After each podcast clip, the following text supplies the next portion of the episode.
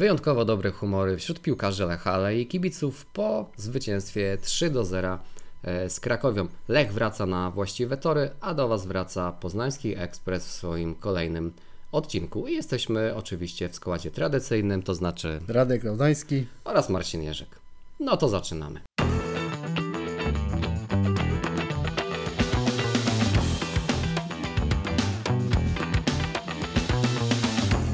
Dobry wieczór, dzień dobry i tym razem to jest naprawdę dobry wieczór i to jest naprawdę dzień dobry.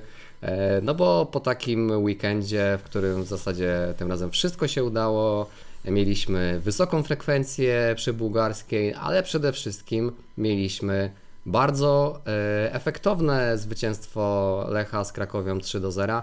E, I też takim, takim bardzo efektywnym stylu Lech to spotkanie rozegrał. Tydzień temu się zastanawialiśmy, jak to spotkanie może wyglądać, i chyba nas e, nieco zaskoczyło, ale szczególnie jeśli chodzi o postawę e, Krakowi, bo spodziewaliśmy się, że raczej Jacek Zieliński może ustawić Krakowie podobnie jak to zrobił e, Jan Urban, prowadząc Górnik Zabrze tydzień e, wcześniej. Tymczasem e, Krakowia nie zagrała wcale tak nisko w obronie, zagrała raczej otwarty mecz, e, bardzo chętnie i często wychodziła do przodu, co sprawiło, że zostawało dużo miejsca dla piłkarzy Lecha, którzy to znowuż bardzo chętnie w te wolne przestrzenie na boisku wchodzili i wykorzystywali e, swoją e, boiskową mm, e, przewagę. Także e, co też na samym początku chciałbym e, podkreślić,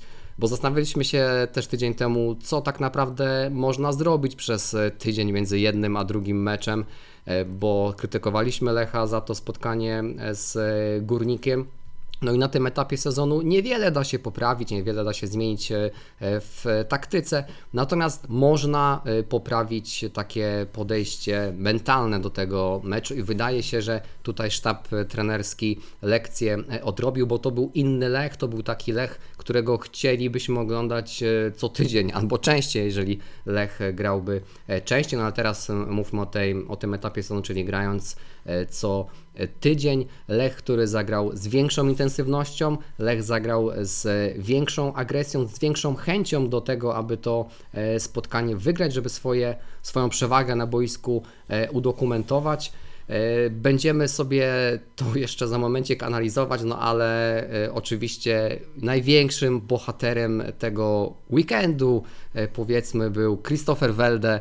E, Christopher Welde, superstar, e, tak można to e, podsumować. E, Wiele razy Norweg był krytykowany, ale teraz e, no, ręce same składały się do e, oklasków. Trudno powiedzieć, żeby on jednoosobowo to spotkanie oczywiście e, wygrał, natomiast e, no, przyłożył nie tylko jedną rękę, ale obie ręce i obie nogi do e, tego e, triumfu. Bramka i dwie asysty, ale naprawdę ta gra e, Christophera e, Welde no, niemalże rzucała e, na kolana, bo zrobił to wszystko na najwyższym poziomie, takim poziomie, do którego przyzwyczaił nas oglądając jego występy e, w lidze konferencji.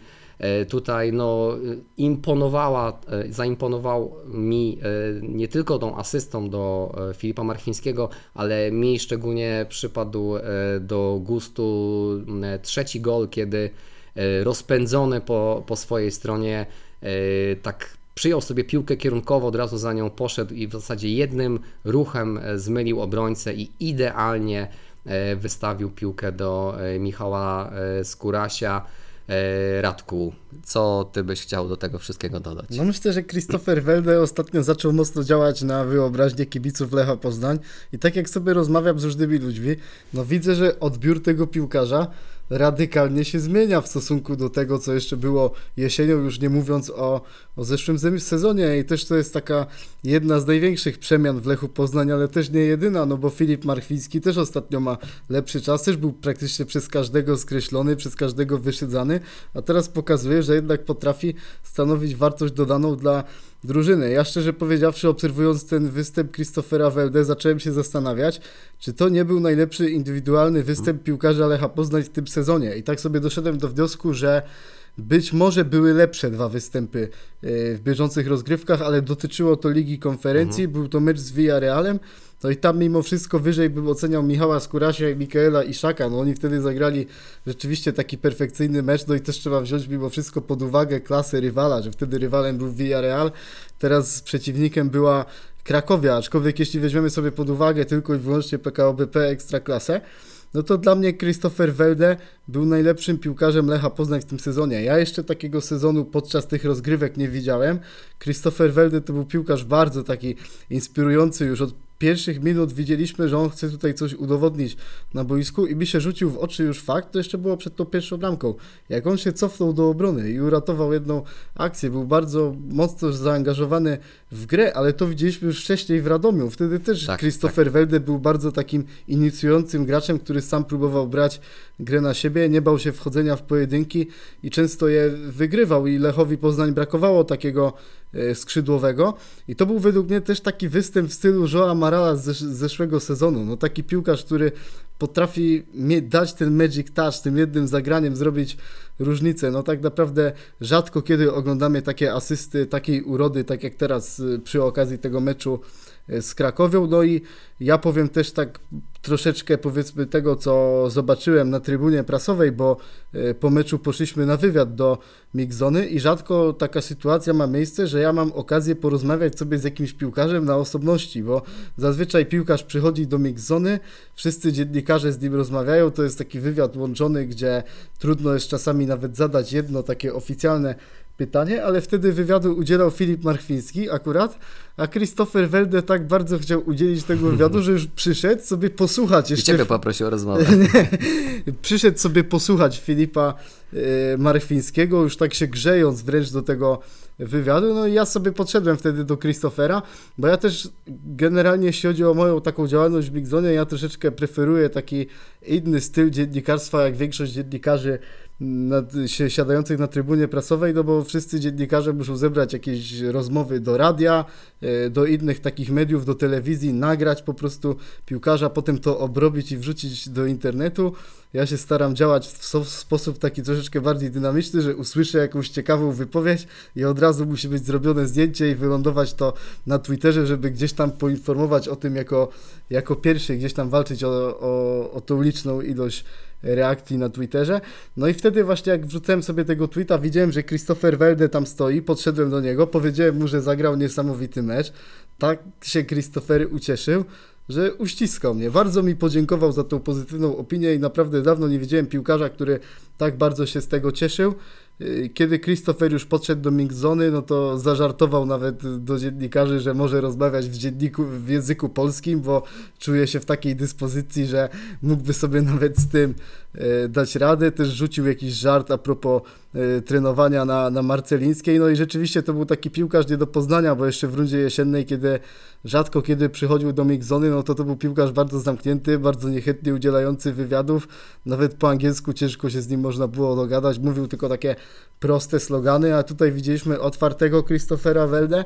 Ja mam wrażenie, że taka przemiana swego rodzaju tego piłkarza mogła nastąpić po tym, jak Filip Szybczak złapał kontuzję i wtedy Christopher Welde stał się takim piłkarzem podstawowego składu, nie, nie elementem rotacji, ale takim, na którego John Van Den Brom będzie stawiał zawsze, kiedy będzie chciał desygnować e, do meczu podstawową jedenastkę. Widać, że ten piłkarz wtedy uwierzył w siebie, Widać, że John Van Den Brom potrafi budować skrzydłowych, bo e, przy okazji przyjścia tego trenera do Lecha Poznań mówiło się, że u niego skrzydłowi wykręcają naprawdę bardzo dobre liczby, no i wystarczy popatrzeć na Michała Skurasia, 16 goli, 6 asyst, Christopher Welde 13 goli, 6 asyst we wszystkich rozgrywkach, wyrównany już e, rezultat e, z najlepszego sezonu w Haugesund, tylko wtedy rozegrał 500 minut więcej, więc tak naprawdę mogę się założyć, że Christopher pobije ten rezultat, no i Mam wrażenie, że też głowa zaczęła mimo wszystko troszeczkę bardziej e, dojeżdżać, że Christopher wreszcie złapał taką odpowiedzialność za zespół.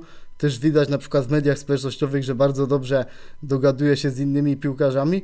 No i być może to jest taki skrzydłowy, na którego Lech Poznań czekał i którego bardzo potrzebuje. I teraz tak naprawdę, jeśli są takie dyskusje na temat Christof- przyszłości Christophera Welde w Lechu Poznań, no to mocno się zmienia moja optyka po tym meczu, szczerze powiedziawszy. No też nie wiem, czy to jest dobrze tak wyciągać wnioski po pierwszym meczu, aczkolwiek to nie jest pierwszy dobry mecz Christophera Welde w tym sezonie i po prostu stwierdzam, że nawet jeśli pojawiłaby się oferta 3 czy 4 miliony euro za tego gracza, Lech mógłby zarobić jakieś pieniądze, no to mimo wszystko chyba bym wolał, żeby ten piłkarz został przy bułgarskiej, bo mam wrażenie, że teraz się odblokował i w przyszłym sezonie może dać zespołowi naprawdę wiele.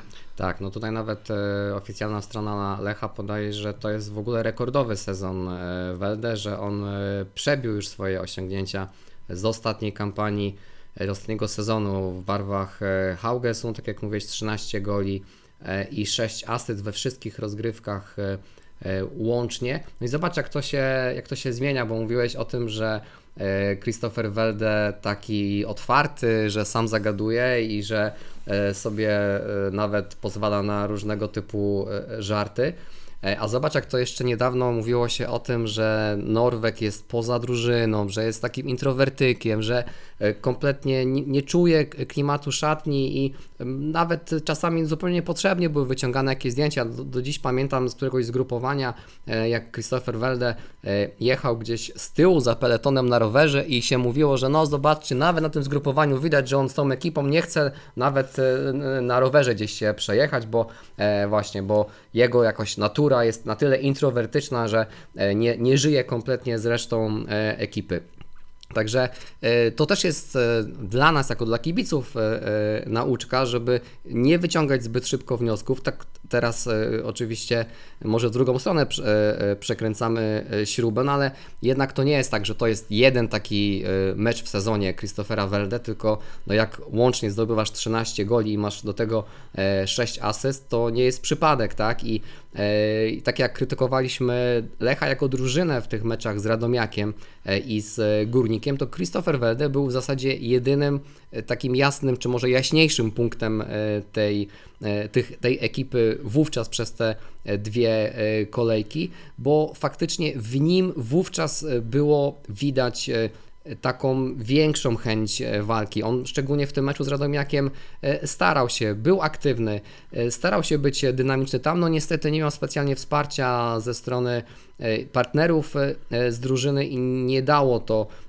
ostatecznie jakiegoś e, większego mm, efektu. Tutaj no też dzięki temu, że drużyna jako całość zagrała e, lepsze spotkanie, inne spotkanie na znacznie lepszym piłkarsko e, poziomie, to też te e, atuty i szybkościowe, i techniczne Christophera Welde dzięki temu wyszły na, e, na pierwszy plan e, i to naprawdę dużo czasu poświęcamy No- Norwegowi, ale po takim występie, tak jak Radek mówi, no chyba najlepszym indywidualnym występie piłkarza Lecha w Ekstraklasie w tym sezonie, to trudno e, nie mówić o nim tak dużo. Oczywiście on nie był jedynym zawodnikiem Lecha, który mm, zasługuje na to, żeby go pochwalić, bo tak jak mówię, drużyna zagrała lepiej. Nawet e, Artur Sobiech, e, bo przecież on zaliczył asystę przy bramce e, Christophera Welde, który grał takiego cofniętego napastnika, natomiast może nie, nie było tam liczb, natomiast też była ta chęć walki, mam wrażenie, większa, intensywność też z jego strony była,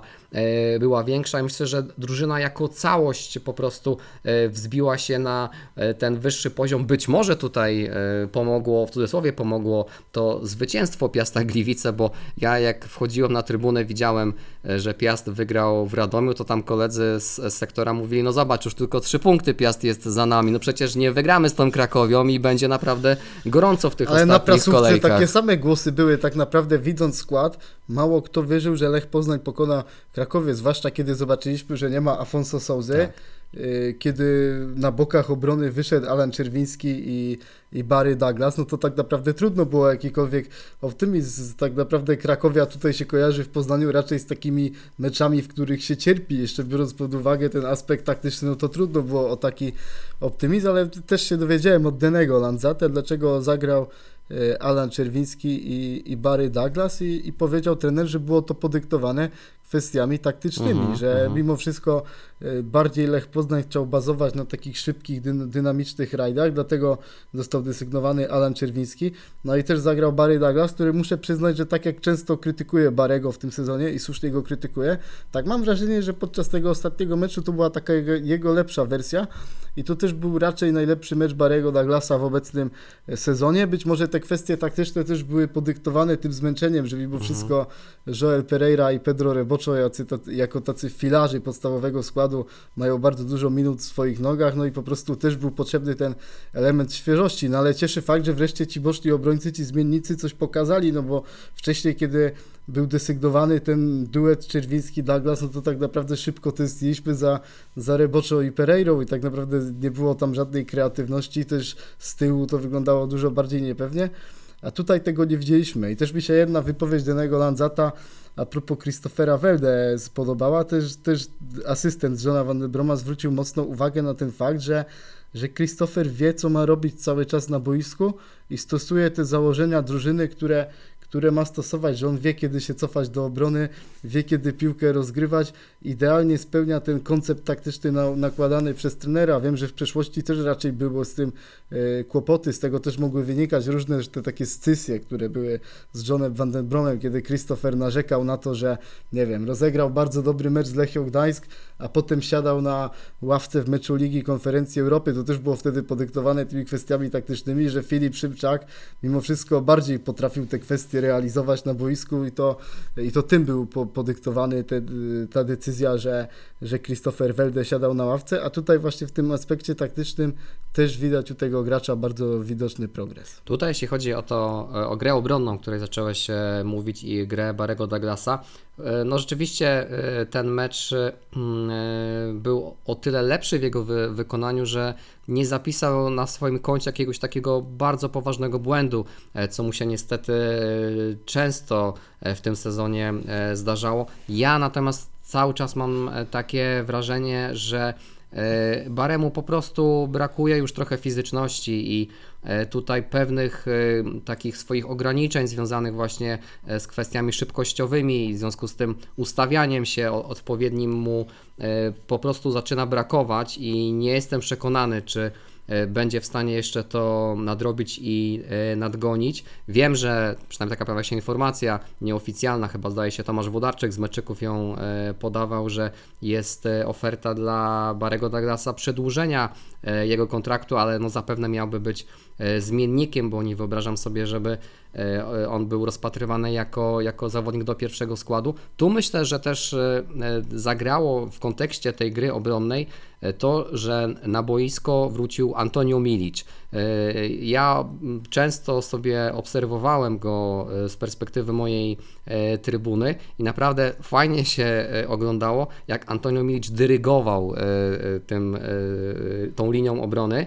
Nie tylko linią obrony, ale nawet e, często jak wychodził do przodu, to e, pokazywał poszczególnym piłkarzom, w którym sektorze mają się ustawić, kto ma iść do przodu, kto ma zostać. Także takiego e, dyrygenta na boisku ostatnio też brakowało. Nie było Bartosza Salamona, nie było Milicia, nie było Mikaela Isaka i brakowało tego kręgosłupa drużyny. Tych piłkarzy, którzy w odpowiednich momentach potrafią drużynę szarpnąć, e, właśnie troszeczkę tak e, wziąć w cudzysłowie za fraki i pokazać właśnie e, co powinieneś zrobić, gdzie powinieneś się ustawić i tak dalej, i tak dalej.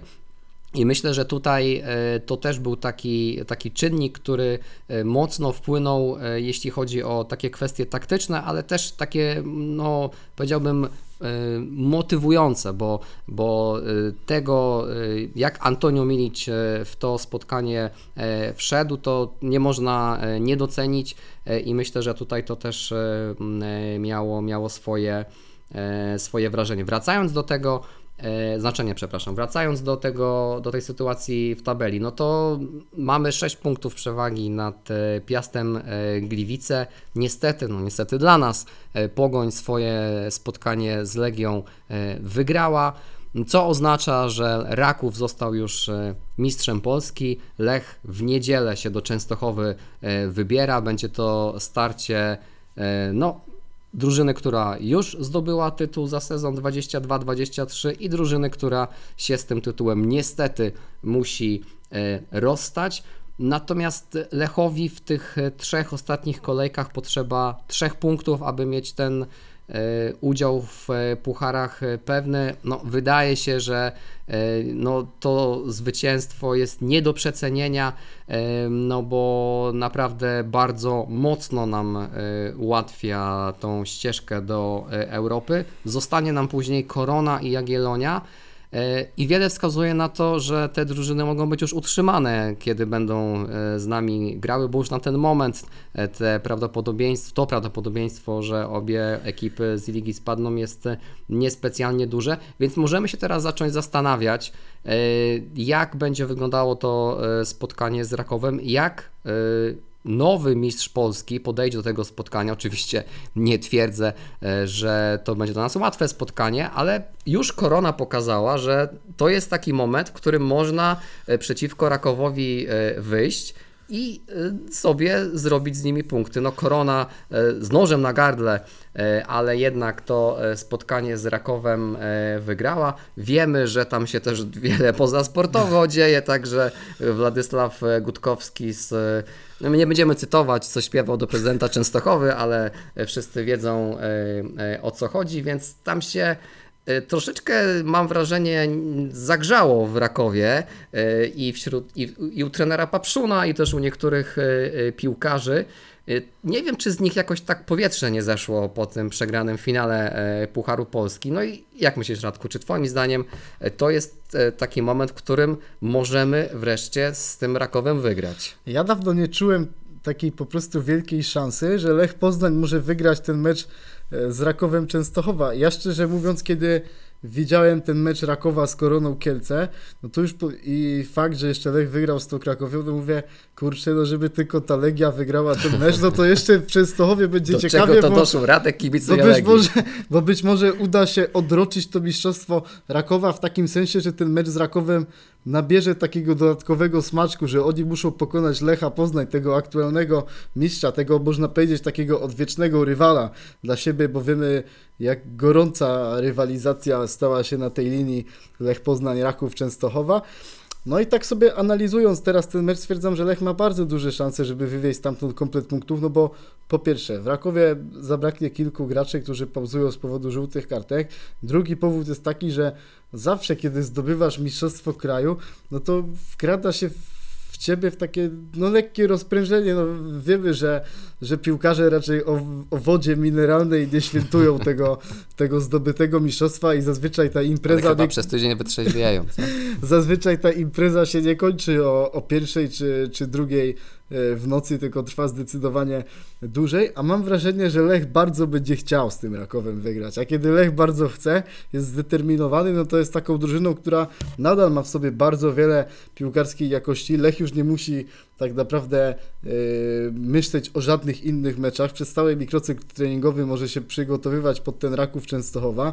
Wracają ważne postacie do zespołu, bo z tego co mówił Denny Lanza, to e, Afonso Souza też już powinien być gotowy e, do gry. Myślę, że fakt, że kiedyś Raków się nim interesował, to też Afonso będzie chciał pokazać, że, że wiele znaczy dla tego Lecha Poznań. I też kiedy rozmawialiśmy sobie my dziennikarze z Filipem Marfińskim, no to Filip Marfiński też w takim dosyć bojowym nastawieniu mówił o tym meczu z Rakowem Częstochowa i pewny siebie mówił, że naszym celem jest zakończyć em, sezon na tym podium, że Lech mimo wszystko nie zadowala się tym minimalizmem i fakt, żeby bezpiecznie zakończyć to na czwartym miejscu, ale do końca sezonu wygrać wszystkie mecze, no i, i zobaczymy co dalej będzie, a historia nas uczy tego, chociażby zeszły sezon, że jak Lech Poznań wygra wszystko do końca sezonu, no to gdzieś tam ktoś się mimo wszystko potknie i, i nie wytrzyma tej presji i tak jeszcze po cichu liczę na to, że Lech może zająć to, zająć to miejsce na tym y, podium. Myślę, że właśnie tak jak już wcześniej powiedziałeś, dużo znaczy ten powrót Milicia, tego generała obrony, który zarządza tą, tą linią i to też już chciałem wspomnieć na samym początku podcastu, bo Filip Dagerstal to jest piłkarz, który też wybitnie wywiązuje się ze swoich y, obowiązków jako defensor, aczkolwiek on nie ma tych takich inklinacji przywódczych, Mhm. takich dużych, jakie ma Antonio Milic i widać, że powrót tego defensora dla, dla Lecha Poznań znaczy wiele, no i ja tak sobie oceniając ten mecz z Rakowem Częstochowa, dawno nie widziałem tak wielkiej szansy przed Lechem, żeby, tego, żeby ten Raków pokonać. I wiem, że na pewno piłkarze też mają w głowie to, że kurczę, odchodzi ten papszun, trzeba na sam koniec utrzeć mu nosa Tak i pokazać, że, że mimo wszystko w jakimś tam aspekcie jesteśmy lepsi, więc liczę na pełną determinację kolejorza i fakt, że uda się nieco zepsuć to, to piłkarskie święto nowemu mistrzowi Polski. No właśnie, e, także pompujemy jeszcze balonik na sam koniec e, sezonu, ale to nie jest tylko tak, że to są, tak jak to, z tym, co mówi e, Radek, nie jest to tylko tak, że to są tylko i wyłącznie nasze oczekiwania, czy tylko nasze marzenia, bo wiadomo, że my jako kibice to byśmy chcieli, żeby Lech każdy mecz wygrywał i w każdym meczu potwierdzał swoją dominację. Tak oczywiście się nie da, ale w związku z tym właśnie jak wygląda sytuacja w obu drużynach, ale też e, w tabeli. Teoretycznie i praktycznie Raków nie gra o nic już do końca sezonu. Oczywiście, tak jak mówisz, oni będą mieli no, taką oficjalną swoją fetę mistrzowską, no bo zdobywali e, ten tytuł tak naprawdę przed telewizorami, no bo już zdobyli go dopiero po tym, jak Legia swoje spotkanie e, przegrała, więc takiego oficjalnego świętowania w Częstochowie e, jeszcze nie było. No i właśnie, po pierwsze, fajnie byłoby to święto im w cudzysłowie zepsuć, bo tutaj to nie chodzi o podsycanie animozji, tylko no, my interesujemy się Lechem, a e, Rakowem interesują się w e, Częstochowie. Natomiast e, mm, Lech jeszcze no, musi postawić tą kropkę nad i, aby po pierwsze mieć pewne puchary, a po drugie no, do końca mieć o co walczyć. Teoretycznie wydaje się, że Pogoń ma łatwiejszy terminarz, ale przecież już tak jak wspomniałeś, nieraz się zdarzało, że w którymś momencie któraś z ekip się po prostu e, potyka. Ty musisz wygrywać wszystko po to, aby to potknięcie przeciwnika e, wykorzystać. E, Nie zdarzyło się to tydzień temu, kiedy Pogoń straciła punkty, ale wówczas również punkty stracił Lech. No więc będziemy czekać na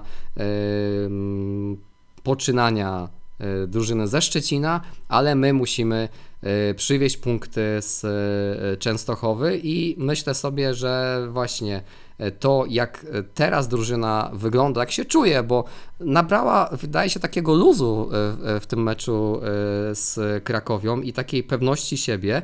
E, I mówiłeś o tym, w jakim humorze jest Christopher Welde, w jakim humorze jest Filip Marfiński, wraca Afonso Sousa. No, w zasadzie zapewne zabraknie nam Mikaela Isaka, ale no, i oczywiście też Bartosza Salamona, ale tak poza tym to reszta ekipy po prostu będzie gotowa do gry i e, gotowa e, do walki. No i miejmy nadzieję, że niedzielny wieczór, a później kolejny poniedziałek z Poznańskim Ekspresem e, spędzimy również w takich doskonałych nastrojach jak, jak to teraz. Mecz w niedzielę o godzinie 17.30. Wszystkich oczywiście zapraszamy do tego, aby to spotkanie oglądać i śledzić poczynania Lecha i oczywiście za tydzień, aby e, być z nami i posłuchać, e, co my mamy do powiedzenia na temat e, tej rywalizacji, takiej już troszeczkę e, no, z pewnymi podtekstami, która się, które się ostatnio w, w ciągu ostatnich sezonów przeciwko e, Rakowowi e, pojawiły. Radku, coś jeszcze e, o tym meczu, bo będziemy mieli jeszcze taki temat pozasportowy na sam koniec odcinka. Myślę,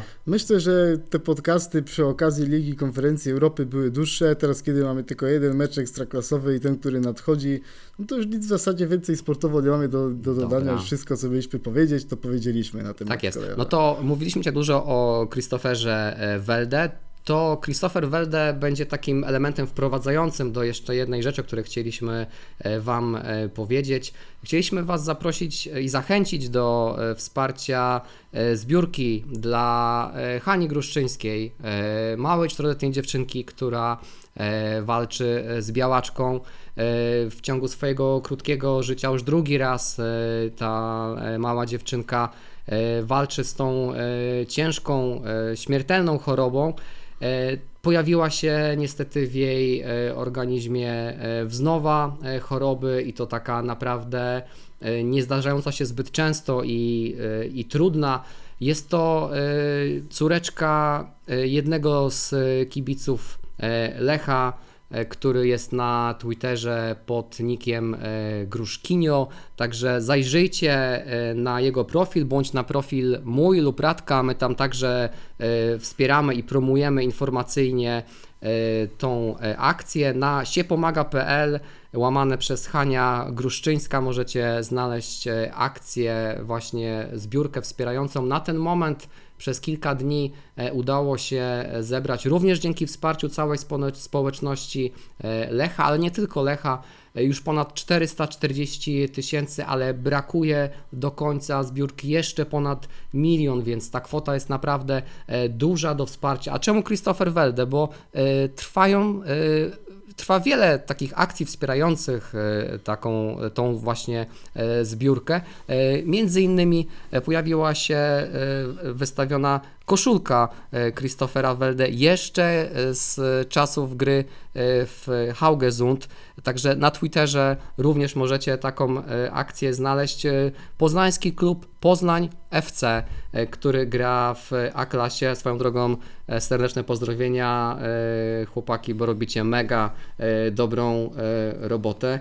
Dzięki Wam moi synowie zaczynają lubić piłkę nożną, bo te pikniki rodzinne, które urządzacie są super, ale w każdym razie e, Poznań FC e, wystawił również na e, aukcję charytatywną koszulkę Christophera Welde z podpisami całej drużyny Lecha, także naprawdę można niezłe piłkarskie lechowe smaczki znaleźć. Kto ma nieco więcej w kieszeni, zachęcamy do wzięcia udziału w tych licytacjach, a kto ma nieco mniej grosza, do dorzucenia się do tej zbiórki, którą serdecznie my również e, wspieramy. No i też cieszy to ogólne wsparcie takie lechowe e, społeczności Lecha Poznań, e, tej chorej dziewczynki, no bo widzę, że rzecznik klubu Tak. Maciej Henschel też bardzo mocno się w to angażuje na Twitterze, też Pola Świątek, która bardzo właśnie, dobre placki ciasta, piecze, ciasta, też, też tak. można e, ciasto wylicytować, które na pewno jest, jest bardzo pyszne, więc cieszy ten fakt, że jeśli ktoś jest kibicem kolejorza, no to wierzy rzeczywiście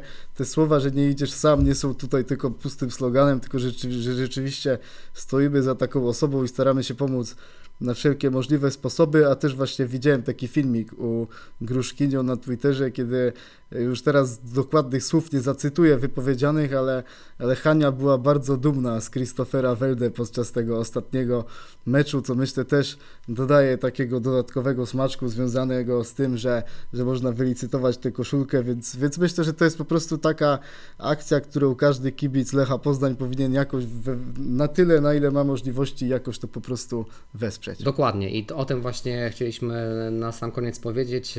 Lech Poznań to jest e, więcej niż klub, e, to jest więcej niż e, piłka nożna. My z Radkiem bardzo mocno wierzymy w to, że e, tworzymy razem społeczność, tworzymy razem jakąś wspólnotę i tak jak Radek powiedział, jeden za drugim stoi, tak i no po I prostu... nikt się nie boi. I nikt się nie boi, tak.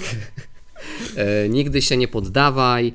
E, także to, te słowa też kierujemy do, do Hani i do jej rodziców, do, do jej bliskich. E, e, trzymajcie się i, i, i no, miejmy nadzieję, że ta zbiórka jak najszybciej się zakończy, a Hania jak najszybciej powróci do zdrowia i że będzie mogła się pojawiać już osobiście na meczach przy bułgarskiej, aby podziwiać chociażby Christophera Welde.